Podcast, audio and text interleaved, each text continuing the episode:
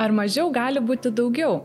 Ir kaip to pasiekti? Tai vienas naujausių pasaulinių trendų odos grožio ir sveikatos temoje, kurį bandysime patvirtinti su Rasa Neverauskaitė, spa terapijos specialistė, kosmetologė, akredituota tarptautinės grožio ir spa specialistų ruošimo mokyklos dėstytoja, lektorė bei tarptautinė trenerė. Kiekvienais metais grožio ir estetikos sritį papildo begalės naujienų, naujovių, trendų taip vadinamų. Ir iš tiesų toje gausoje kosmetikos priemonių, procedūrų, įvairių e, priemonių labai sunku nepasimesti, ar ne, Rasa? Ir šiandieną kalbėsime e, tokia ganėtinai kontroversiška tema, ar mažiau vis tik yra daugiau šioje srityje. Ir paliesime tas dvi temas - tai estetikos, grožio estetikos ingredientus ir maisto papildus. Taip, tai ta tema tikrai ir kontroversiška ir iš tikrųjų atsirado tas trendas iš jau, sakykime, savotiško poreikio. Aš net pati kaip kosmetologė tą labai gerai pastebiu, dėl to, kad tikrai klientai naudoja begalės, labai skirtingų, kartais tarpusavį nesuderinamų priemonių ir iš tikrųjų net tokių, kurios nėra reikalingos. Tai iš tikrųjų gal tas trendas šiek tiek atėjęs yra iš dermatologijos, nes dermatologai labai labai senai tai sakydavo ir tai pykdydavo ir kosmetikos kosmetikos gamintojus, kartais ir mūsų kosmetologus, kad užtenka tik tai prausiklio ir vieno drekiklio ir tu patenkinsi visus odos poreikius. Gal nėra visiškai taip. Jau klausti, bet... ar iš tiesų prausiklis ir vienas drėkiklis? Ne, ne, gal turėtų būti vis tiek tonikas, prausiklis tonikas ir turėtų būti kremas. Bet atsiminkim, kad praktiškai tikrai daugelis naudoja net ne vieną kremą - dieninis, naktinis, prie vienos problemos, prie kitos miksuoja, deda ir sakau, dar irgi tas, tas begalinis produktų naudojimas atės iš to, kad mes iš tikrųjų turime internetinę prekybą. Mes turime jau labai daug informacijos, nes yra internete labai daug medžiagos pasiskaityti apskritai, kaip veikia oda, ingredientai ir ką jie mums daro arba nedaro, ar jie ten geri ar negeri. Ir tikrai žmonės nu, skaito, domisi, dar tarpusavį pasikalba, draugė nusipirko, dar pažiūri influenceriai, ką siūlo, dar tą nusipirko ir tas yra gerai, ogi rašė ten ir ten skaičiau straipsnį, ten ir kažkoks gydytojas sakė, kad tas yra gerai, viską prisiperka ir po to naudoja begalės tų priemonių kurios tikrai nėra reikalingos. Ir kitas dalykas, na, labai sunku yra pamatuoti, kiek reikia mūsų odai vienos ar kitos medžiagos. Su mūsų organizmu yra paprasčiau, mes pasidarom kraujo tyrimus ir matom, ko trūksta. Reikia nepamiršti, kad oda yra tas organas, kurį jau po to to maistinėm medžiagom, kurias mes vartojam ar ne, aprūpinam paskutiniai, nes pirmiausia gyvybiškai svarbus organai, rūmenynas visas ar ne kaulai ir taip toliau. Ir aš kai sakau, Po to jau kas lieka nagam, ragam ir odai ir plaukam. Tai va, tai gauna nedidelį kiekį ir to trūkumo, ta prasme, jeigu mes turime organizmą, mes žinom, kad pirmiausia, taip, tikrai mes galim pastebėti ant pablogėjusios odos būklės, ant pablogėjusios būklės plaukų ir panašiai, bet pamatuoti to tikslaus kiekio, ko mums iš tikrųjų trūksta, arba kiek ten reikėtų įdėti, tai yra labai sudėtinga, nes mokslininkai net yra e, tikrai nekartą jau svarstė ir nu, tikrai gilinės ir tyrinėja, kad nu, ar nebūtų per daug. Ačiū Dievui, kad mūsų oda turi tą savybę, kad jinai nepasisavina visko, ką mes duodam. Jinai turi barjerą, ne visos medžiagos taip lengvai praeina, praktiškai mes pasisavinam priklausomai nuo produktų formulės iki 15-20 procentų veikliųjų medžiagų, kas yra viduje. Tai kartais net galvoju, kad tai yra gerai, nes kai mes duodam tokią krūvą visokių produktų. Sunku atsirinkti paskui. Tai mes gaunam tokį kiekį veikliųjų medžiagų, kurių Taip. tikrai gal mums nereikia. Mūsų oda yra labai protinga, jinai moka viską pati padaryti. Jinai moka ir atsinaujinti, regeneruotis ir eksfoliuotis, tai yra tas nusisloksniuoti, nereikia mums ten šveisti ir pilinguoti ją ten kiekvieną dieną dešimt kartų. Jis viską daro pati, bet jeigu mes jai visko labai daug kišame, jinai pamiršta. Taip, tai oda iš tiesų didžiausias kūno organas, reiktų, kurios reiktų neišbalansuoti, o tiesiog palaikyti tą sveiką jos balansą, nesveikatą, grožį. Ir gerai, tada pereinant prie mm, kosmetikos, kokios yra tos naujausios pasaulinės tendencijos kosmetologijoje? Ir um, kokie ingredientai dominuoja, į ką reiktų atkreipti dėmesį ir tikrai na, fokusuotis ir turėti savo odos priežiūros rutinoje, o kas galbūt yra kaip, na, kaip žinai, ateina kažkokia naujiena, kaip mada, kažkiek metų pabūna ir tiesiog praeina. Tai į ką mes atkreipiam dėmesį, o ką tiesiog galėtume praleisti iš tų naujienų, kad tai atėjo ir praeis. Žinai, su tom naujienom kaip yra. Jos nėra tai, kad trendas atėjo ir praėjo. Ir iš kur tos naujienos atsiranda dėl sudėtingų technologinių sprendimų. Atsiranda kažkokia galimybė, ten, žiūrėk, dabar jau eina visokios genų inžinierijos, audinių laboratorijos sukūrimas tos pačios odos, ar ne. Nu, galimybės didėja, tu palygink, kas buvo prieš 20 metų ir yra dabar. Tai tas ingredientas, kuris prieš 20 metų buvo topinis, topinis, dėl to, kad tai leido, nu, ta prasme, galimybės tokį sukurti patį geriausią.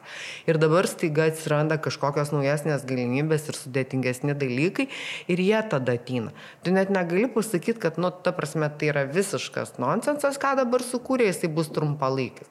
Tuo metu atrodo, kad tai tikrai yra patys naujausi dalykai. Jeigu sakai trendas, tai iš tikrųjų tas trendas yra, kad į kosmetologiją, į mūsų netgi ir kasdieninius produktus vartojimus ateina ingredientai iš estetinės medicinos estetinėj medicinoj jau irgi ta prasme ten pasikeitė trendai sakykime tokie kurie buvo anksčiau prieš e, penkiolika dvidešim metų ar dešim metų netgi kad pagrindinės estetinės procedūros buvo užpildai ir botokso injekcijos kurios realiai tai nepakeičia jokios odos būklės o paprasčiausiai tiktai defektus maskuoja ne? Tai dabar jau yra tie vadinami redermalizantai dermobūsteriai pavadinimai jų ten įvairūs tokie keistais žodžiais sudėliota bet tai yra mintis mintis tame, kad yra leidžiami preparatai, kurie būtent stimuliuoja mūsų odos ląsteles ir skatina mūsų odą atsinaujinti, regeneruotis, neleidžia įsenti. Nu, jų yra įvairiausių tų kokteilių. Tai va šitie ingredientai, kurie yra vadinami derma boosteriais, dabar labai ženkliai atėję na, į kosmetikos priemonės ir netgi kosmetikos procedūras. Aš pati atlieku ir turiu tokių procedūrų, kurios yra na, tokios redermalizuojančios, sakykime, ir visiškai tos pačios technologijos naudojamos kaip naudojamos estetiniai medicinai. Nu, kaip pavyzdys yra, pavyzdžiui, polinukleotidai. Nu, labai sudėtingai skamba, bet tai iš lastelių DNR, žuvų lastelių DNR gaunama medžiaga, kuri labai stimuliuoja mūsų odos atsinaujinimą ir regeneraciją.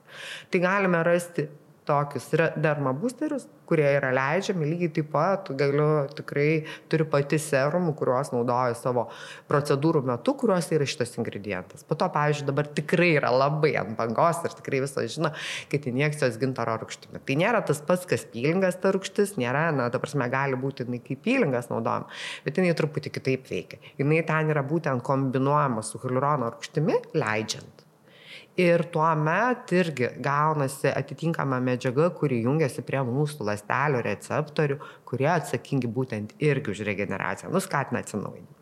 Tai lygiai taip pat ir kosmetologijoje yra procedūrų, kuriuose irgi yra derinami šitie du ingredientai, jie dėliojami, kombinuojami, jie odoje jungiasi ir susidaro tas junginys, kur lygiai taip pat jungiasi prie ląstelių receptorių. Aišku, reikia nepamiršti, tie, kurie yra leidžiami preparatai, jie lengviau visų savo tuo kiekiu, kiek leidžiama, patenka į tą lastelę.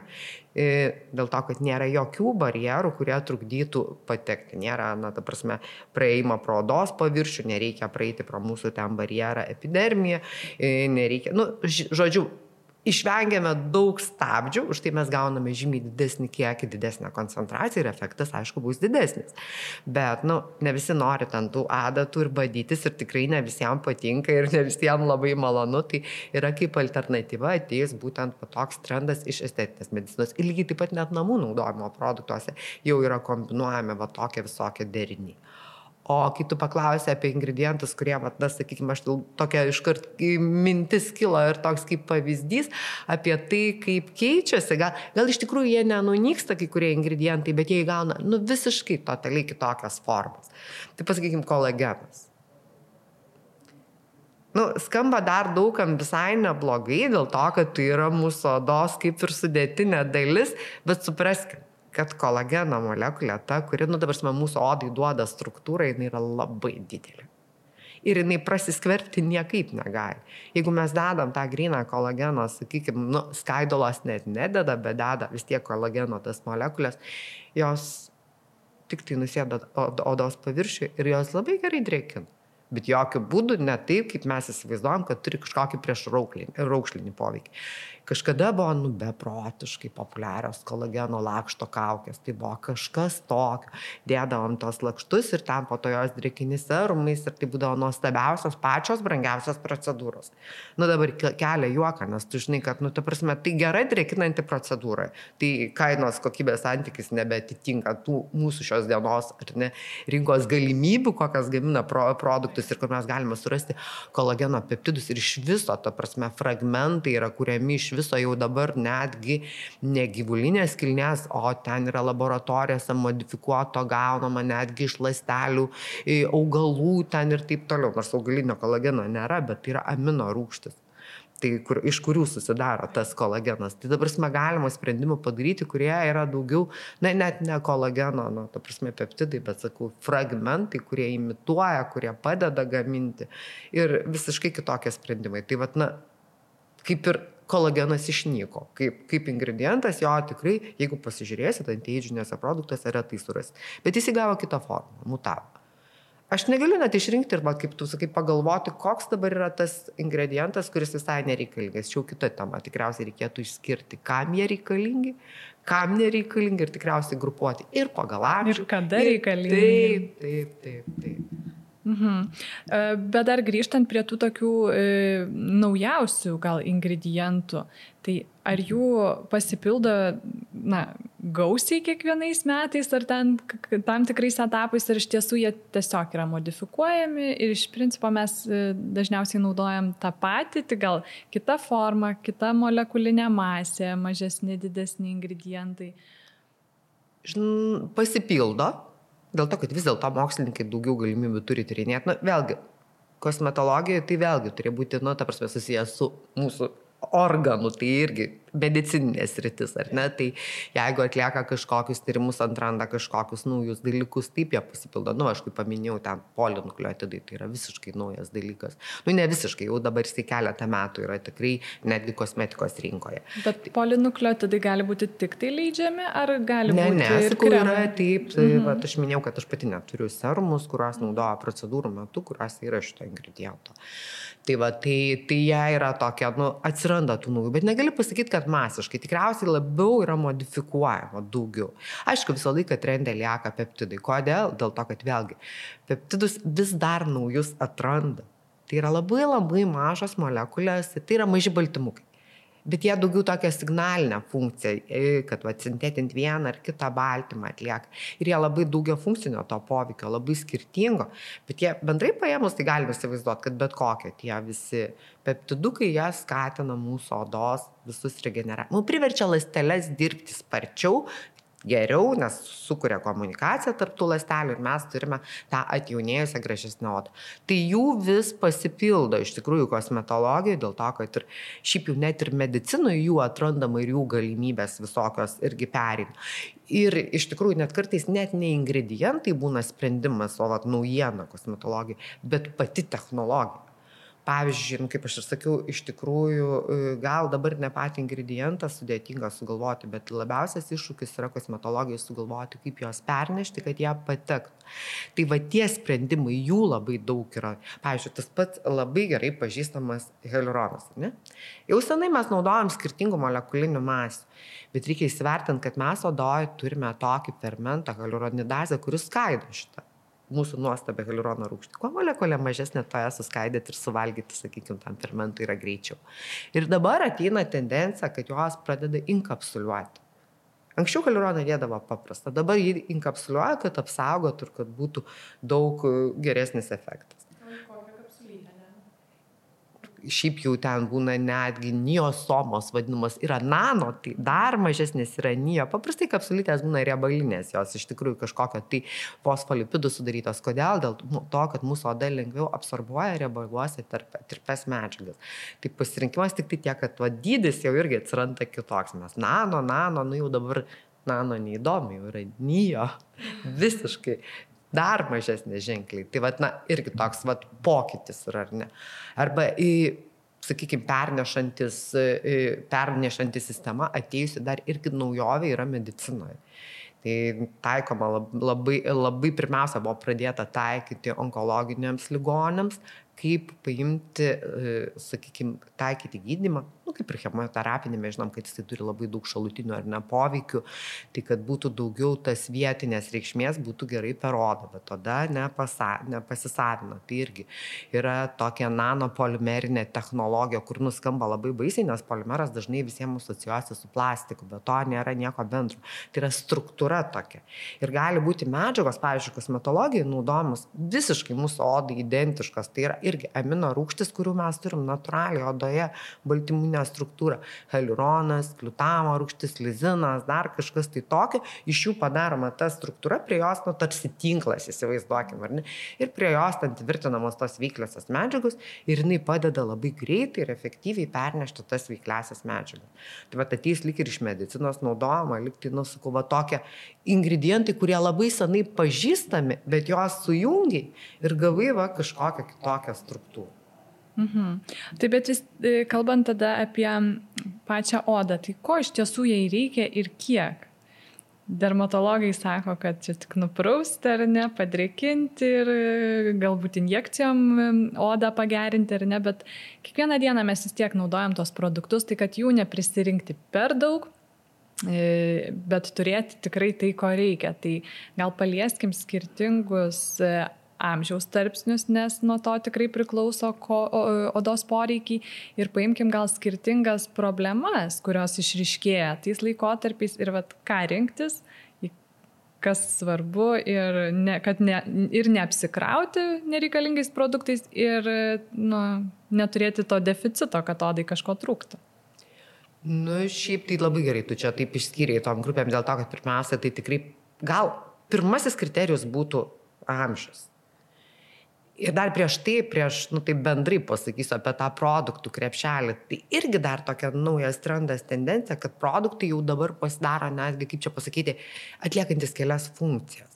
Tai aš vat vis pagalvoju ir, ta prasme, labai dažnai tenka ir diskutuoti ir kalbėti su savo klientais. Na, tas paprastas toks standartinis krepšelis ar neprausiklis, tonikas ir vadinkim drėkiklis. Tai yra kažkoks kremas. Toks labai labai bazinis, va tą, ką siūlo e, ir dermatologai, ir lygiai taip pat galim sakyti, na, jeigu nėra specifinių poreikių ir kosmetologai. Tai tonikas. Ta priemonė, kuri dažnai daugam būna neiški, kam jinai yra skirta ir kas jinai apie ką. Tai, sakykime, senai, senai, dar kai aš mokiausi kosmetologijos, mes priskirdavom toniką prie makiažo priemonių. Ką tai reiškia? Tai yra odos nuvalymų dabar yra. Aš lygiai taip pat pasakysiu, lygiai taip pat labai seniai taip galvojau ir galvojau, tai kam to toniko, aš jau nusiprausiau prausiklių, tai kam man leisti pinigus ir dar toniką naudoti, nes tiesiog nežinojau jo funkcijos. Tai labai gerai, kad akcentuoji ir pabrėžk, kam reikia toniko. Oi, tai yra pirmoji odos priežiūros priemonė, kuri jau atlieka kažkokią funkciją. Bet yra po prausiklio. Taip, bet prausiklis tai yra, aš sakau, muilas veidui, mes jį nuplaunam. Kad ir kaip tam būtų prie įrašymuose, aprašymuose, kaip jis ten nuostabus ir kiek jis ten veikliųjų medžiagų turi, supraskim, mes jį nuprausim. Mums vienas tik yra tikslas, kad nepažeistų mūsų barjero ir nepažeistų tos odos. Tai muilo negalima naudoti. Nu, muilo, taip, taip, aš čia pavadinu, muilas, kuris. O po to jau renkamės ten vėlgi, specifiškai, nu tam jie ir yra taikomi. Tai riebiai odai ir nebrandžiai odai, jautrai ir visai kitaip, jų irgi yra skirstimų. Bet mes tų veiklių medžiagų nepasisavinam, mes nuplaunam, ar ne? Arba, na, sakykime, nuvalom, pienelį irgi pagydautina nuplauti. Visas valančias priemonės. Čia irgi dar galėtume tęsti apie micelinius vandenis, bet jau čia kita tema. Ir, ir, ir irgi žinom, kad reikėtų vis tiek visas prausančias priemonės, valančias priemonės nuplauti. Tai viskas, mes nusiprausėm. Sekantis etapas mes einam prie toniko. Ir e, šiaip jau jinai valomąją priemonę tampa tik tai tada, kai mes įdedam ant vatos diskelių. Ne pats tonikas valo, o paprasčiausiai mechaniškai tie vatos diskeliai tau padeda nuplauti. Tai aš sakau, jeigu tu turi daug makiažo ir nesitikras, kad tu gerai nusiplovi į veidą, nu tai imk tos diskelius. Bet šiaip tonikas yra priemonė su veikliosiom medžiagom. Nauja tendencija, ta irgi labai stipriai aš pastebiu. Ateina į rinką labai labai. Tonikas ir serumas viename. Ir tonikai paprastai, pažiūrėkit, jau jie turi funkciją. Drekina, skaistina, šviesina, e, jaunina. Jau jie, jie gali būti su pakankamai dideliu koncentruotų veikliųjų medžiagų kiekiu. Ir dabar tikrai daroma, jau net rašo tonikas, brūkšnelis serumas. Tai žinoma, tu nedėsi jo ant diskelio, nes serumą netepam su diskeliu. Tada tu jau gauni tų veiklių medžiagų. Jeigu bendrai paėmus, ką jisai padaro, nu visi be išimties. Jie atstatinėja odos pH, nes mes nusiprausdami jį šiek tiek išbalansuojame. Jie labai, kadangi vis tiek tai yra skystis, skystis paprastai, ar ne, nu, tai ar tai šiek tiek gelinis, ar tai yra, jisai duoda labai daug drėgmės iš karto. Ką tai reiškia? Ant tos drėgnos, dar nenudžiūvusios odos rekomenduoju tepti toliau priemonės, ar tai bus kremas, ar tai sermas. Mes pager... drėgna oda daug geriau pasisavina veikliasias medžiagas. Reiškia, mes pagerinam tas vadinamas odos absorpcinės savybės. Mes, kai aš sakau, jūs sunaudosit mažiau kremo, mažiau serumo ir jūsų oda daugiau pasisavins ir gaus maksimumą iš to, ką jūs naudojat, dėl to, kad jūs panaudojate toniką. Tai dar pasitikslinimui, tai nusiprausiam veidą, ar ne, ir toniką ant drėgnos odos, ar ne, ar kaip tik. Toniką galime dėti ir, ant sausos mhm. nuvalę, bet po to, o po toniko kremą tai tepkim net nespėjus jam nudžiūti, tai maksimaliai pasisavinsim viską, ką mhm. norime. O man dar klausimas, ar tonikas brūkšnelis serumas, kai būna du viename, ar užtenka odai tokio produkto? Ar vis tik po tokio toniko praturtinto ir serumo savybėm dar vis tik reiktų papildomai? Nu čia jau priklauso. Va jau čia prieinam prie tos antrosios dalies, kur yra e, amžius ir problemos. Tai jau tada žiūrim, jeigu mes esame nu jauname amžiuje, nu sakykime, aš tikrai e, dabar galvoju apie produktus, kuriuos aš gerai pažįstu, ar ne? Tai e, pavyzdžiui, yra tonikas serumas viename, kuris atstato mūsų pažįstą barjerą. Tai yra aktualu visiems. Dėl to, kad iš tikrųjų mūsų visos, kas yra tas pažįstas arba nepažįstas barjeras, tikriausiai irgi čia reikėtų įsiterpti ir tą dalyką taip. paaiškinti, dėl to, kad apie tai kalbama visą laiką. Tai žodžiu, mūsų oda pati vėlgi labai protinga, jinai susikūrė, pasidaro, kad savo išgyventų, apsaugotų ir taip toliau. Jinai išskiria atitinkamus lipidus, atitinkamas medžiagas, kurios mūsų odos paviršiuje, ta prasme, sulaiko tas e, lasteles raginės ir sukuria visą barjerą lipidinį, kuris nepraleidžia drėgmės, neleidžia išgarinti odai drėgmės, nes jis kaip pažįstas oda labai greit išgarina drėgmę. Ir lygiai taip pat stabdo visokių neigiamų blogų medžiagų, patogenų, alergenų, bakterijų labai paprastą patekimą į mūsų odą. Už tai mums labai aktualu išlaikyti tą sveiką barjerą. Ir visą laiką kalbam barjeras, barjeras, barjeras. Jeigu jisai pažįstas, mes turime krū, visos, ta prasme, absoliučiai, nuo iki, nuo aknės iki labai jautrios odos, atopinio dermatito, visos problemos paštrės. Gal tai nebus priežastis, bet daugeliu atveju paaštrins įjautrins odą, nu, ta prasme, padarys viską, kas yra blogai. Už tai labai svarbu tą barjerą atstatyti ir palaikyti tą pusiausvyrą normalią. Tai vad, na, kai aš pradžiojau paminėjau, kad prausiklis turi to nepažįsti, tonikos jis turi padėti atstatyti. Visi tonikai, na, ne tiek tai, kad barjerą atstato, bet, na, ta prasme, pH atstato, o tai leidžia irgi palaikyti sveiką barjerą. Iš tiesų, ir, iš tiesų pagrindinis produktas atstatantis odos barjerą yra tonikas.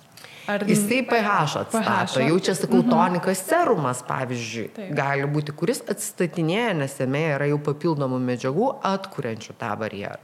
Tai va toks, kuris atstato barjerą produktas, jis yra tinkamas visa, visiems amžiam ir jisai visada yra aktualus. Tai nuo 20 ar ten netgi jeigu paaugliai jau naudoja priemonės nuo 15 ir nuo visokio. Ir tada jau, na, ta prasme, jeigu tu neturi kažkokios problemos, tau aišku, jokių serumų ten nereikia ir jokių papildomų medžiagų, tik tai drėkiklių. O ką mes vadinam problemom? Problemos, aišku, tos, kurių mums. Spageliai, bėrimai, akne, ar ne? Taip. Jautri oda, kuri tam išsausėjusi, dehidratuota oda, kuri pliskanoja, traukia, tempia ir taip toliau. Irgi tas oda, įjautrinta oda.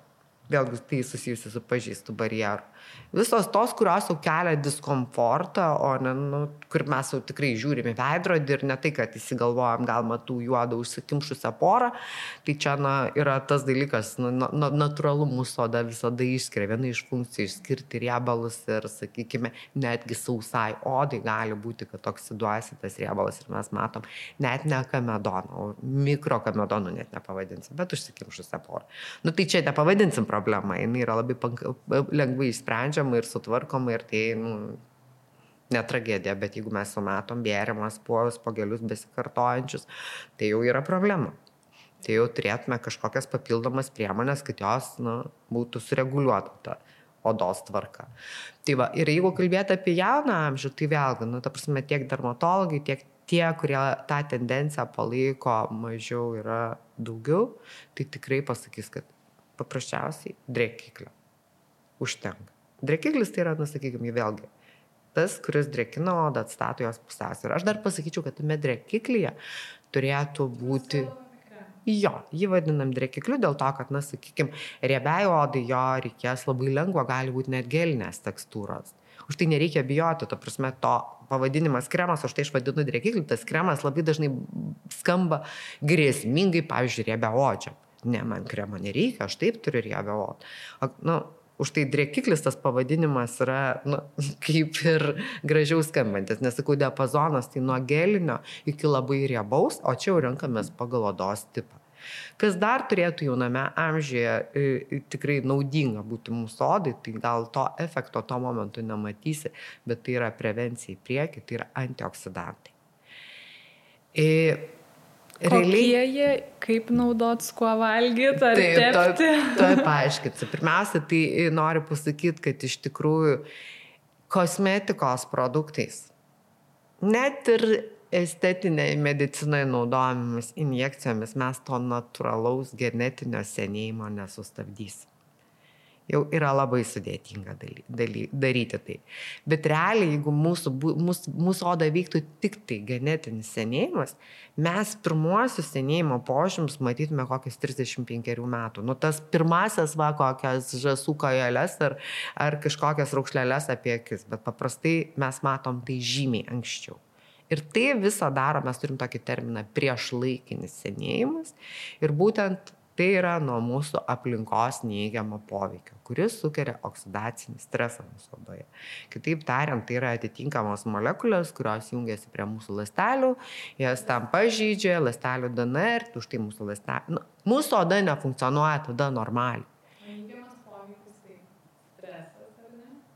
Viskas vardinu.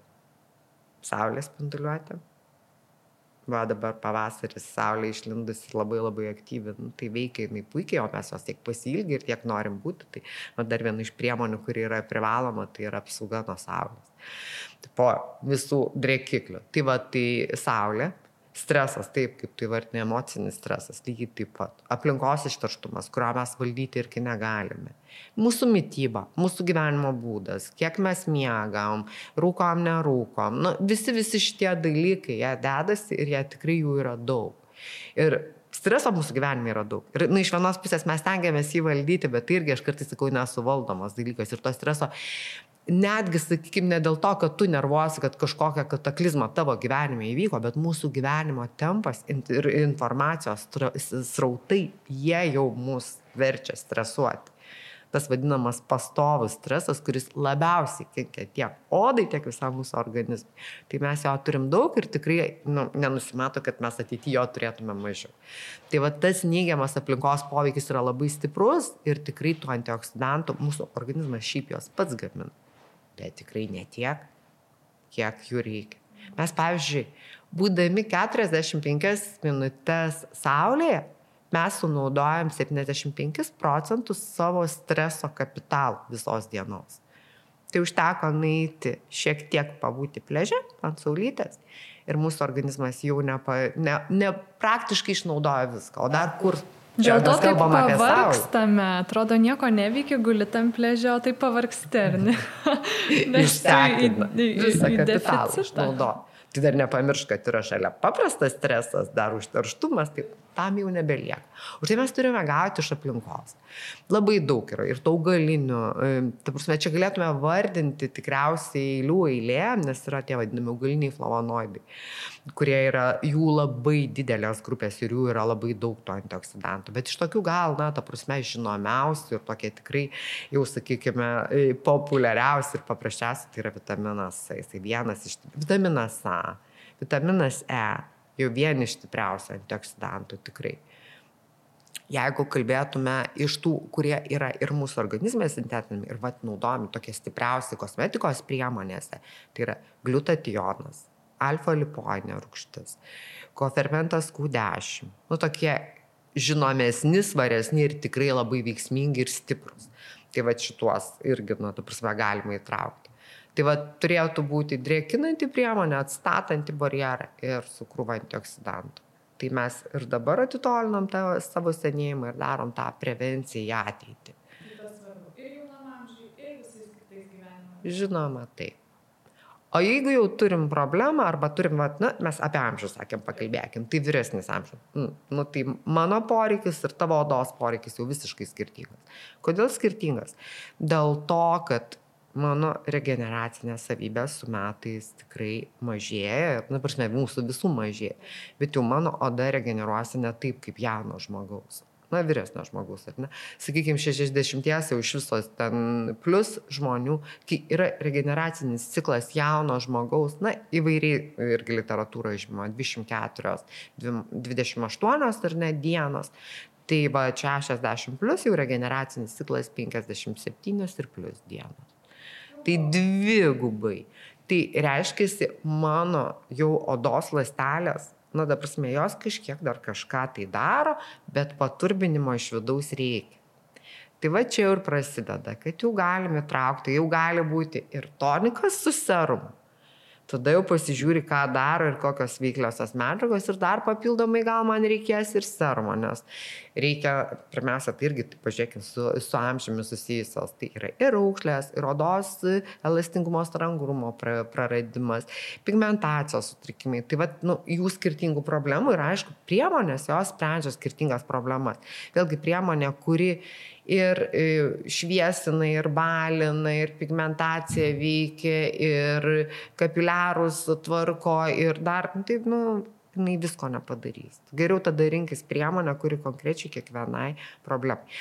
Aišku, aš irgi sakau, kad vienu metu dešimt serumų tikrai nereikia naudoti tada paimam, panaudojam kažkokį. Serumas yra koncentruota priemonė, kuri skirta irgi ne visam gyvenimui naudoti, atitinkamam kažkokiam laikotarpiu.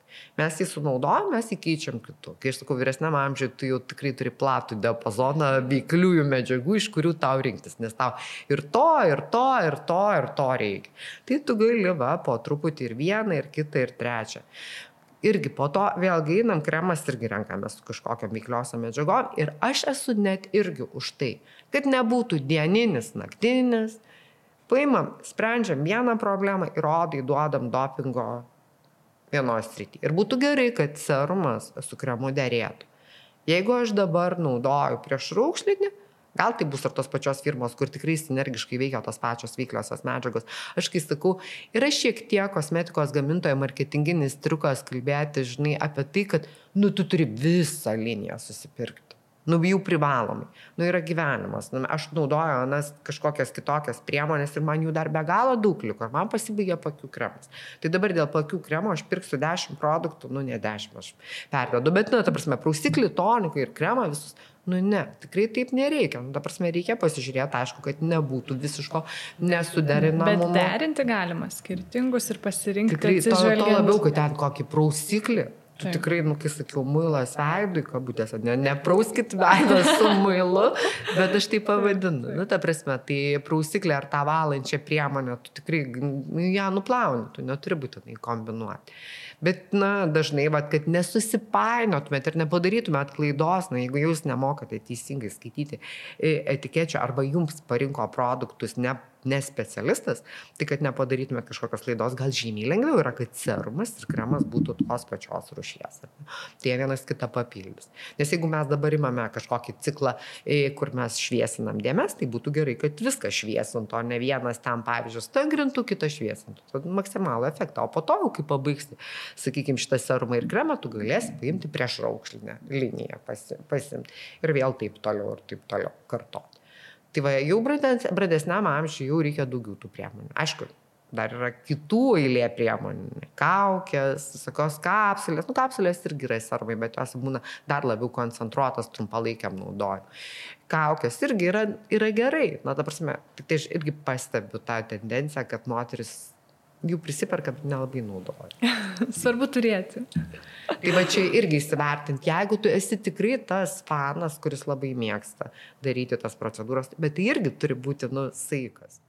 Tai kiek reikėtų naudoti kaukių per savaitę, pavyzdžiui? E, na ir imkim gal na, probleminį odai, vidutinio amžiaus ir brandžiai. Bet čia tokia rekomendacija. Ne, tai žinai, čia yra labai irgi nuo tų kaukių dabar rūšių yra labai skirtingų. Vat kaip, kaip tokia pirmo šovė mintis į galvą, kai yra pakių kaukės, tos hidrogelinės tie padeliai. Kaip praktiškai tam atgaivinimui, jeigu tu turi polinkį, akių patinimą, tam paburkimą visokį, tu gali kiekvieną rytą jas naudoti. Ir Korejai labai net populiaru tą daryti. Taip. Ir iš, nu, Aš labai dažnai jas naudoju. Man labai, man labai patinka, labai paprasta. Tokios pusrytinės kaukės užsidėjai, kol išgeriai kavos, jau žiūrėk, atsigaivinai tą žvilgsnį, tas akis, tos drėgmės davai, tokia, nu, nu, nu, natūralu. Na, lygiai taip pat ir tos irgi hidrogelinės kaukės, kurios lengvai, va vėlgi, jos atėjo iš tikrai iš Azijos šalių.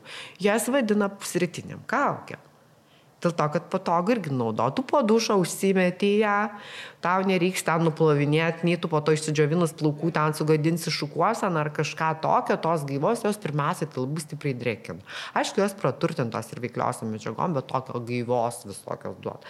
Tai tokias kaukės tu gali, nu, va, jeigu jinai yra drėkinanti, tik tai sakykime, ten heliuronas ir dar kažkokie keli drėkikliai, tai jas irgi gali naudoti sausiaodis, būdamas praktiškai kiekvieną dieną. Jeigu yra stipresnių ingredientų, vis dėlto, na, imkim kaukę, nesvarbu kokia jinai būtų, ją reikėtų naudoti. Ar kreminė, ar tokia. Jo, kartą per savaitę. Mhm. Kartą. Nes, kad, vėlgi, kad nepadaugintume. Mes jau dabar tikrai žinau, kad jis naudoju per daug, tai net, na, sakyčiau, dar, sakyčiau, praretinti, nes mhm. tikriausiai klausydamos dabar irgi klausytas galva, mhm, tai galėsiu tada du kartus susidėti, nes dėjausi penkis. tai va, tai tas, iš tikrųjų, nusakau, ta tendencija ateis iš to, ne tai, kad mums ten gaila, kad jūs tiek daug naudojate, tai čia tiek kosmetikos pramonė, tiek tikriausiai ir man kaip kosmetologai, nes dažnai iš manęs perka tos produktus, tai, tai man ta tendencija kaip ir finansiškai net nenaudinga, kad tas naudomas, bet kitas dalykas, tu susiduri po to su aibe problemų tos odos ligos, kad tu nesupranti, net negali diagnozuoti, kas nuo ko ir kodėl.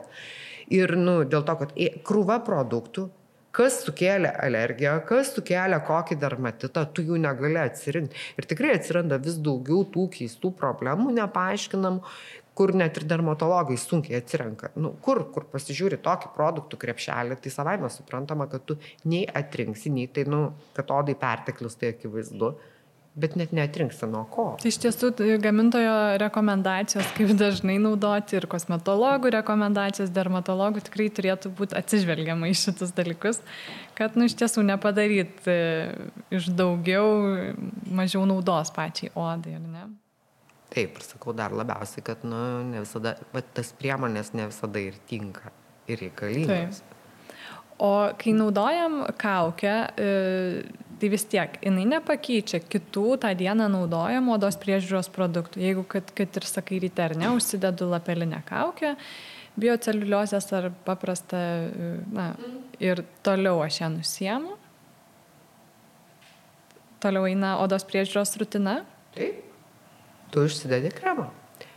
Vėlgi, nu kaukė, jinai vėl apie tą patį barjerą. Kaukė nesukuria to kažkokio mikrobarjero tokio, kad, nu, ta prasme, kremas jisai praktiškai visi turi tą, nu, kremo labai paprastai, biški chemijos pamokėlė, iš ko susidaro, nesvarbu, ar lengvas, ar sunkus kremas. Yra vandeninė bazė, riebalinė bazė, taip mes vadinam. Tai yra kažkokios vandenyje tirpios medžiagos ir riebaluose tirpios medžiagos, tam reikalingos skirtingos dvi bazės ir po to sujungiama emulsikliais, kad gautųsi tą emulsiją. Ir ten dar pridedama veikliųjų medžiagų. Tai kaip bebūtų, tai yra riebaliukai, kurie vat vėlgi kompensuoja gal mūsų to barjero trūkumo riebalus ir uždaro, vat, ta prasme, mūsų tą odą ir paima atstato. Tai dažnai tiek serumuose, Taip yra tikrai ir sermų, ir kaukių, kurie šitą gali padaryti. Irgi nenuplaunamos kaukės, bet paprastai jos būna naktinės. Tai realiai reikia tos pabaigos ir užbaigimo. Tokios, sakykime, įsivaizduokim, kad kaip užraktukas tai yra taip. Tai kalbant dar apie kaukių naudojimą, žinau, yra būtina prieš tai odą paruošti, tai yra nušveisti ir naudoti šveitiklį, ar ne, veido. Ir papasako krasą, kokių jų būna, e, nes yra keli tipai šveitiklių, ką rinktis, ko tikrai nesirinkti ir ko nepamiršti naudojant. Tu palėtėjai nu labai opę temą. Aš net gal specialiai apie jį nešnekėjau. Nes dabar yra irgi, va iš to daugiau mažiau viso serijos, tai tikrai yra, nu, labai per daug, labai neteisingai, per dažnai naudojamos šveičiančios priemonės tas švietimas pasidarė nu toks populiarus ir iš tikrųjų nu naudoja pylingus ir kasdieną ir skirtingų rūšių dar maišo ir to ir ano ir trečio ir mes vat irgi čia susiduriam su žiauriai pažeistais barjerais aš kai sakau iš tikrųjų išmoko mo, moteris prižiūrėti savo odą. Tas visas rutinas visur galime rasti internete, visai skersai, plakatai, schemom ir taip toliau parodyta. Ir visos daro viską su kaupu, lygiai taip pat ir šveičia su kaupu. Tai atrodo, išmoko naudoti visas priemonės, naudoja tų priemonių daug, tai kaip tik tai oda turėtų būti su labai jau, na, sakykime, ten gali kažkokios tos medžiagos iššaukti kažkokias reakcijas, bet barjeras jau turėtų būti atstatytas labai gerai. Ne, ištisai susiduri. Tu net surinki tą krepšelį produktų, jau labai tokį, tu žinai net ką naudoja, atrodo idealiai tinka tai odai ir ateina vis tiek ta oda pažįsta paaiškėja, kad jinai kiekvieną dieną naudoja pylingą. Jinai šveičiasi kiekvieną dieną. Taip, dabar tie pylingai dar net ir labai apgaulingai atrodo, pavyzdžiui, fermentiniai šventikliai. Tai yra su fermentais, kurie irgi padeda tom negyvom lastelėm atsisloksniuoti. Jiegi atrodo labai švelnus, jie būna miltelių pavydalu arba kažkokiu putų, kremu, tokia labai grėtinėlė švelniau užtepiau. Kai nusiploviau, jausmas irgi pasakiškas, oda net gurgžda tokia. Ir tu nori, ir nori, ir nori tą jausmą. Bet fermentai yra labai aktyvios medžiagos. Jos tikrai stipriai nusloksniuoja tą odą, nors atrodo labai švelniai. Nėra to grūdelio, brazyvo, nebraižo, žmogus įsivaizduoja, kad tai yra labai lengvas daiktas. Bet taip nėra. Ir iš tikrųjų tai yra, na, sakykime, normaliai, brandžiai, jautriai, sausai, vieną kartą per savaitę. Ir nesvarbu koks, ar fermentinis, ar rūkštinis, ar jisai su abrazyviniam dalelėm. Labai riebiai, labai riebiai. Galim tris kartus per savaitę, bet jau turi būti labai riebiai. Tik tai čia jau irgi kita tikriausiai tema, kad daugelis merginų jos neskiria mišros nuo riebios ir nuo labai riebios. O papasako. Ta ir tas, ta prasme, tas yra vertinimas. Jeigu mano oda jau po pusdienio blizga, tai jinai yra labai riebi tikrai, aš, aš kaip visada sakau ir savo studentam, tai sakau, sakau, jūs džiaugitės, jūs dar gyvos, nes viena iš funkcijų yra išskirti riebalus. Jūs nepamirškite, kad jūs turėdamas tą mišrę odą, ant jos dar dedate ir kremą, ir paprastai pakankamai nemažai makiažo priemonių, kurios irgi neleidžia taip tai odai normaliai kvepuoti, nu, ta prasme, natūralu, kad jinai šiek tiek pradės blizgėti. Aš turiu labai sausą odą. Ir jinai man irgi tikrai blizga ir tai nėra blogai, bet kai vyresniam amžiui mums ta oda blizga, mes suprantam kaip pliusą dėl to, kad jinai suteikia tas žvitėjimas e, gyvybingumo, o jaunam amžiui to nesinori. Aš sakau, pasižiūrėkit, kaip mes apibūdinam gražią odą. Skaisti, švytinti. Gali matinis daiktas švytėti? Ne. Tai va, tai tas e, toks, tai, nu, taip, nu, ta prasme, tikrai sutinku, kad yra to perteklinio rieba, riebalų išskirimo e, tikimybė labai didelė pas riebeodžius. Ir aišku, sakau, bet reikėtų irgi tą laipsnį nusistatyti, koks tas riebeodis.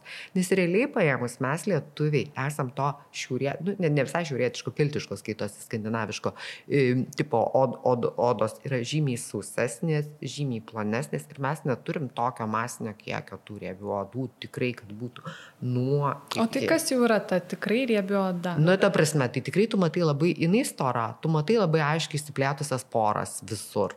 Jau tas riebalų išsiskirimas irgi pamatuojamas visiškai kitaip būtų, ne po pusdienio, tu turėtum nusiprausęs, visiškai nieko netirti ir tu jau matuoja maždaug po 15-20 minučių yra specialiai irgi atitinkami, nu pavadinkim, sugertukai, kur tu matai, kiek, kiek nu, gali po to po mikroskopų kišti ir žiūrėti, kiek to, kiek to riebalo išsiskyrė. Bet jeigu šiaip vizualiai, tai jinai tikrai matysi stora, porėta visa akivaizdžiai matomom visom įsiplėtusiam porom. Didžioji dalis pas mus tikrai turi tą, sakykime, mišrę odą, kur tu matai visą T zonos rytyje aiškesnės poros ir ten labiau pasirebaluoja ir ten daugiau pablizga. Bet čia, vat, kame yra didžiausia problema, kai neteisingai nusistatai savo odą, tu naudoji be galo daug sausinančių priemonių, matifikuojančių. Ką daro mūsų oda? Mūsų oda, jeigu nėra labai riebi, be abejonės su modifikuojančiom sausinančiom priemonėm mes ją išdžiovinam. Jis tampa dehidratuotas, tuo pažįstų barjerų. Vėlgi, kaip sakiau, mūsų oda labai protinga. Jis bando kompensuoti tą lipidų trūkumą. Jis išskiria riebalus, bet išskiria kitokius. Lasteliniai riebalai, kurie sudaro hidrolipidinę plevelę, jie yra visiškai kitokios struktūros, negu tas, čia visai kitokios struktūros išskiriami mūsų, sakykime, riebalinių liaukų riebalai. Ir jie va ir kimša, ir tada atsiranda ir kamedonų, ir užsikimšusių porų, ir bėrimų, ir taip toliau. Tai toks užburtas ratas, tai po to vėl išlindos pogas, tai aš jau tikrai turiu riebę odą, nu ir pasaka pagalo. Tai tas truputėlį, nu, ta prasme, atskirti, kur yra jinai mišri ir riebi vis dėlto reikėtų, nes po to mes pasidarom savo meškos paslaugą ir tą problemą gilį. Ir tas dar požiūris tikrai labai toks gajus, kad riebi oda, tai jinai negali būti sausa, negali būti dehidratuota, jos čia kuo mažiau, vat, kaip sakai, sausinti ar ne, nedrėkinti, o iš tiesų tai priešingai riebi ar mišri oda jinai lygiai taip pat jeigu mes jas plaunam, dažnai šveičiam, jinai dehidratuoja. Taip, čia vėl prie to šveitimo, Taip. tai jeigu dar riebesnė turi, tai būtinai naudos dar rūkštinės priemonės ir dar šveis. O dehidratuo, dabar tikriausiai, nu, standartas, auksinis standartas labai gaila, bet tą sako ir dermatologai, tą patį ir mes sakom. Praktiškai didžioji dalis riebių ir dar baisiau, kad probleminių odų, nes kaip ir sakiau, tai yra užburtas ratas, jos yra dehidratuotos ir tada išspręsti tą problemą darosi dar sunkiau, nes realiai tai irgi tu galėtum, vad būtent rūkštiniam priemonėm, tai jos labai efektyvios, ten sakykime, reguliavimui, bet kai jinai dehidratuota, tai iš karto sukelia visokias reakcijas, jinai kaip jautri, nu, ta prasme, jinai įjautrinta yra. Tu negali naudoti tų rimtesnių priemonių, kad tu spręstum problemą. Nu, toks labai sudėtingas dalykas. O sakau, su šveitimu, va vėl prie to pačio šveitiklio, kaip nu, kalbėjom apie fermentinį, tai aišku, kita grupė yra rūkštiniai šveitikliai, ar ne? Tai, na, daugiau, aišku, jie nebūna labai labai stiprus, bet yra aibė ir taip rūkštinių priemonių. Tai yra tonikai su rūkštim, prausikliai su rūkštimis, ar ne? Ir kremai su rūkštimis, kurie irgi šveičia. Tai skaitykit, mes pasidarom ir pylingą, kokį fermentinį, dar krūvą rūkštinių tų priemonių, mes tada labai išsausinam. Tai nu, irgi su tuo rūkštiniu priemonių naudojimu namuose reikėtų labai labai atsargiai.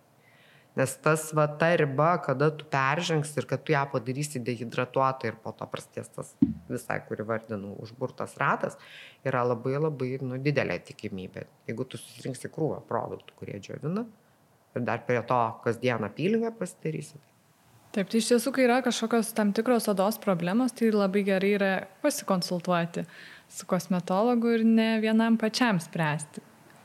Beje, žinok, įdomu, kad dabar tai tikrai labai pabrėžia ir mokslininkai ten tyrinėdami, pavyzdžiui, nu, kalbam apie aknę ir kalbam apie probleminės odas, ar ne? Tai priežiūros ypatingai namų priežiūroje, tai, na, nu, aišku, pasikonsultuoti, tai jau čia, kai lyga yra, tai tikrai reikėtų, bet, bet ją traktuoti kaip jautrą odą ir priežiūros priemonės, kaip jautrai rinktis. Ir tai yra tendencija tikrai. Tiek prausikliai, tiek na, drėkikliai visi būtų su tom medžiagom, kurios nedirgintų. Nu, jinai yra jautri, nes joje vyksta uždegiminės reakcijos. Spogelis yra, rodo, kad tai yra uždegimas. Tai užbaigiant va, šitą temą, kad e, truputį susidėliotų galvose, kaip iš tiesų tai trumpai kaip teisingai ir ką naudoti. Tai aišku, atsižvelgti į amžiaus tarpsnį, kiek mums metų, kaip rinktis produktus. Ir kalbant apie pačią rutiną, tai aišku, prausiklis, tinkantis pagal odą ar ne, pagal problemą, pagal amžių. E, tonikas, Tai produktas, kurio negalim pamiršti ir praleisti odos priežiūros rutiną ir nesvarbu, kiek tau metų, ar ne, tada eina serumas, kurį galima naudoti, galima ne, jeigu esi jaunesnio amžiaus, galbūt tau dar nereikia, arba užtenka toniko su serumu du viename ar ne. Tada kremas, vėlgi pagal amžių problemą, pagal odos poreikį ir pakių kremas, tiesa? Taip. Tai čia tokia būtų kiekvienos dienos ar ne rutina ir tuomet e, odos šveitimas ir veido kaukė pagal odos poreikį vieną, du kartus savaitį. Nu, taip, Grubiai. Grubiai, taip. Grubiai. Gal. Ir tikriausiai prie viso to, tai labiausiai, nu, ta prasme, nemiksuoti labai daug skirtingų produktų, ne ingredientų. Iš tiesų, žiūrėti, analizuoti sudėtis, jau dabar klientai, žmonės, vartotojai, na, jie moka. Ne visi, bet e, tikrai aš pastebiu bent jau iš ir savo darbę, kad ir atkreipia dėmesį, žino, ko ieškoti, žino, kad reikia žiūrėti ingredientų sąraše, kas pirmose pozicijose, vadinasi, to, to ingredientų yra daugiausia, atkreipti dėmesį į konservuojančius, į tuos galbūt dirginančius odą ingredientus, kurių kartais yra tai irgi atsižvelgti, kad jų būtų e, itin nedaug, tai paskutinėse e, ingredientų sąrašo pozicijose. Tai klientai iš tiesų, kuo toliau, tuo labiau tampa gudresni. Taip, dėl to, kad aš sakau, nu, iš vienos pusės tai yra labai didelis pliusas, kad yra tikrai kur paskaityti, nu, apsišviesti ir sužinoti, bet sakau, dabar ateina kitų bumerangų, kad visi viską žino ir patys savo tada režisieriai, prisipirkau visko daug ir dabar viską tepsios, kiek tik tai telpa, tai jau to jau geriau. Nu. Tos taisyklės nepamiršti, kad daugiau ne visada yra geriau. Jokių būdų. Ne. tai pereinant dabar į tą kitą temą apie maisto papildus, pati esi ir kosmetologija, praktikuojanti ir spa specialistė, ne tik lektorė, dėstytoja, tai iš tiesų apimi tas dvi pusės ir teorinė, ir tikrai praktinė, susiduri su labai daug ir klientų E, savo darbo praktikoje ir žinau, kad tavo filosofija, tavo požiūris toks yra holistinis, man iš tiesų labai artimas, kad tu žvelgi žmogų kaip į visumą. Tai ne tik, va, kaip ir pradžiai kalbėjai, kad oda tai neatspindi ir vidinę žmogaus būklę, ir tą sveikatą. Ir iš tiesų kažkokį trūkumą mes tik vėliau pastebime odoje, jau kai tikrai kažko trūksta, nes e, kiti organai, kitos rytis paima tos tas maisto medžiagas Ir e, man tai labai smagu, kad ta tendencija e, vis stiprėja ir ateina į grožio pasaulį ir, pavyzdžiui, parenkant kažkokį kosmetologui ar grožio specialistui, parenkant tam tikrą planą klientui, yra įtraukiami maisto papildai arba siūlomos rekomendacijos, kaip per mytybą, ko atsisakyti, ko vartoti daugiau ar mažiau. Tai man labai labai patinka, kad tas tampa vis, ta tendencija tampa tokia vis tvirtesnė. Tu labai gerai pastebėjai tvirtesnė. Dėl to, kad ta tendencija ne vakar atsirado ir ne už vakar. Ja bandoma jau nu, kažkaip tai pradėti vystyti, gyventinti ir įnešti mūsų gyvenimą. Gal jau geras penkmetis, tai taip jau gana stipriai, bet jinai pagreitį gavo tikrai dėl to, kad patys klientai jau dabar klausia. Ir ką man pavartoti. Dar, sakykime, prieš kokius 3-4 metus mane klausdavo, ką jūs galvojate apie kolageno arba hialurono papildus vartojimus, va kaip jie odai padeda. Dabar mane netaip klausia. O tai kuriuos man geriau nusipirkti? Tai, nu, visai jau, jau tikrai įaugo į kraują ir supranta, kad, nu, taip, oda yra mūsų organizmo veidrodis. Kaip ir sakiau, pasisavina viską. Jeigu mums trūksta, tai ant odos trūks greičiausiai, taip sakykime. Aišku, labai gali ten diskutuoti ir galvoti ir dėlioti, o kaip, ar tikrai, bet jeigu mūsų organizme trūksta, ar ne, kolageno. Nu, kolagenas yra tas baltymas, kurio visur yra sanariai, kremplės, sausgyslės ir taip toliau, ir taip toliau. Jo reikalinga mums visam organizmui. Tai ar tikrai pasieks tą odą, nes irgi tas klausimas, ar tikrai pasieks, aš sakau, bet tai nieko blogo tai jūs duosit tada kit, kitiems savo organų. Tikrai tai yra naudingos medžiagos, kurių mums reikia.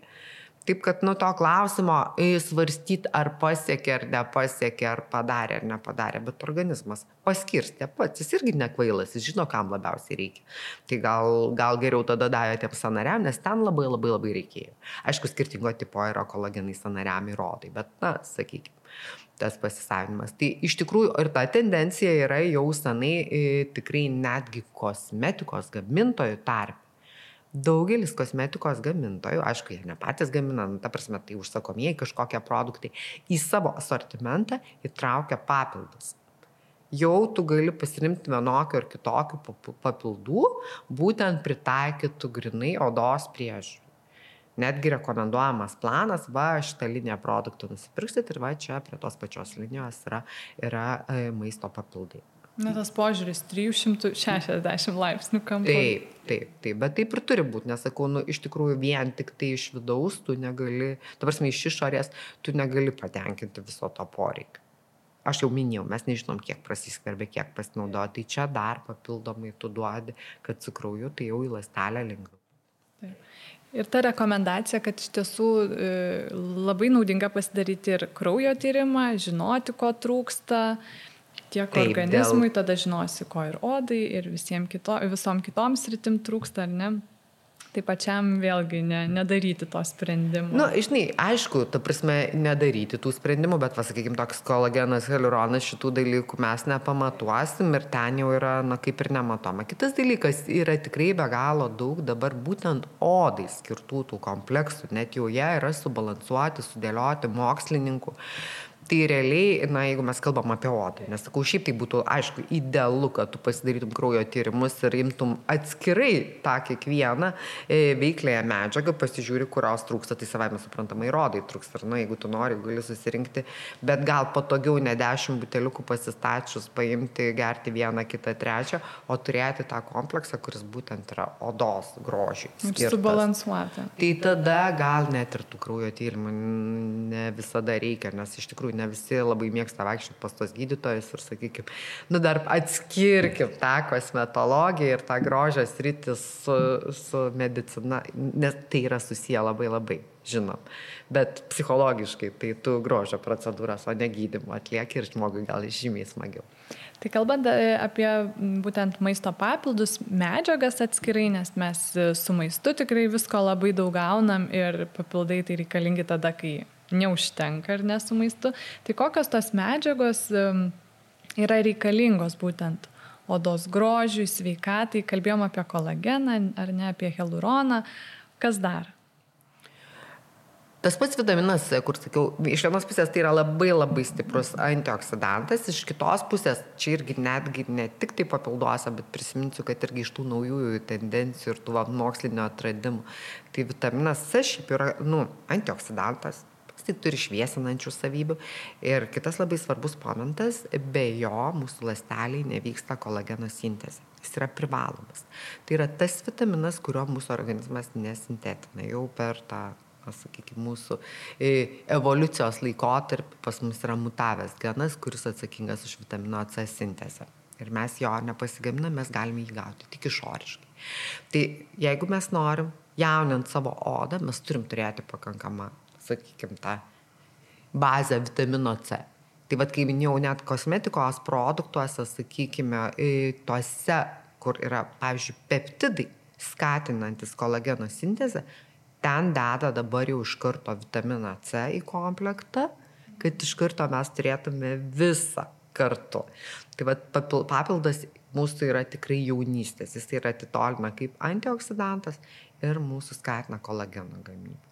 Na, aišku, cinkas, kuris irgi lastelių mūsų dalymas reguliuoja, biotinas, irgi tokie, nu jau tokia klasika, geležis, degonės pasisavinimas priklauso ar ne. Tai jeigu mūsų lastelė negauna degonės, bet degonės nevyksta jokios funkcijos, jinai yra labai svarbi gyvybiškai, mes tikrai, jeigu norim paturbinti visą tą procesą, tai vėlgi jisai tada vyks žymiai sklandžiau. Mhm. Varis, selenas, ar ne? Taip, irgi... ta prasme, mikroelementai praktiškai visi dėl to, kad mes iš tikrųjų, va, tokių kaip selenas ir varis, mes jų gaunam pakankamai nedaug ir, nu, toks varis, tai iš viso papilduose jo yra nedidelis kiekis, bet jis irgi taip pat mūsų lastelių dalymus labai labai svarbus. Tiek pat kalis, na, ta prasme, irgi drėgmės pasisavinimas, išlaikymas, nu, visi, visi, visi yra reikalingi. Mhm. Ir dar toks įdomus klausimas, kaip e, maisto papildų ir kosmetikos ingredientų veikimo sąsajos kokios yra.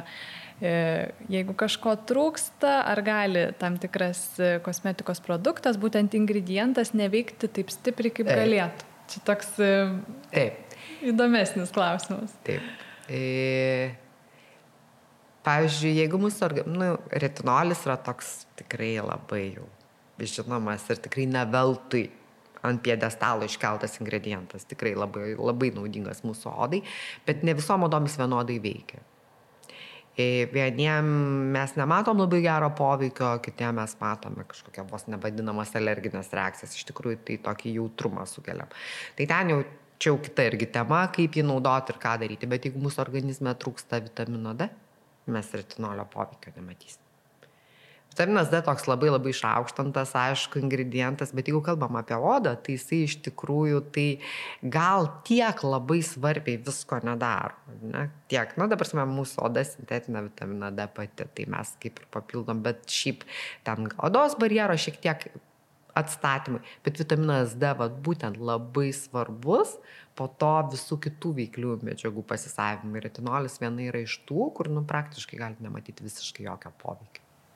Įdomus faktas. O vitamino, tai, vitamino D juk dažniausiai trūksta. Dėl to, Mums, kad tai, mes neturim saulės. Taip. O įdomu tai, kad pavyzdžiui tas pats retinolis, jeigu jį derinsime su cinku, tai bus tobulai derinys, nu, ta prasme, riebiai odai nu irgi veikliosios medžiagos, bet ta prasme ta pati veiklioja medžiaga su vienu ingredientu, jinai yra jauninantis poveikis, kitas yra kitoks poveikis. Įdomu tai, kad, ai, vitaminas B, pavyzdžiui, jisai ne tai, kad apie derinimą kalbant, bet vitaminas B irgi, jiegi yra labai skirtingi. Tai yra, pavyzdžiui, vitaminas B12. Jeigu mes turime aknę, šitą vitaminą turėtume vengti.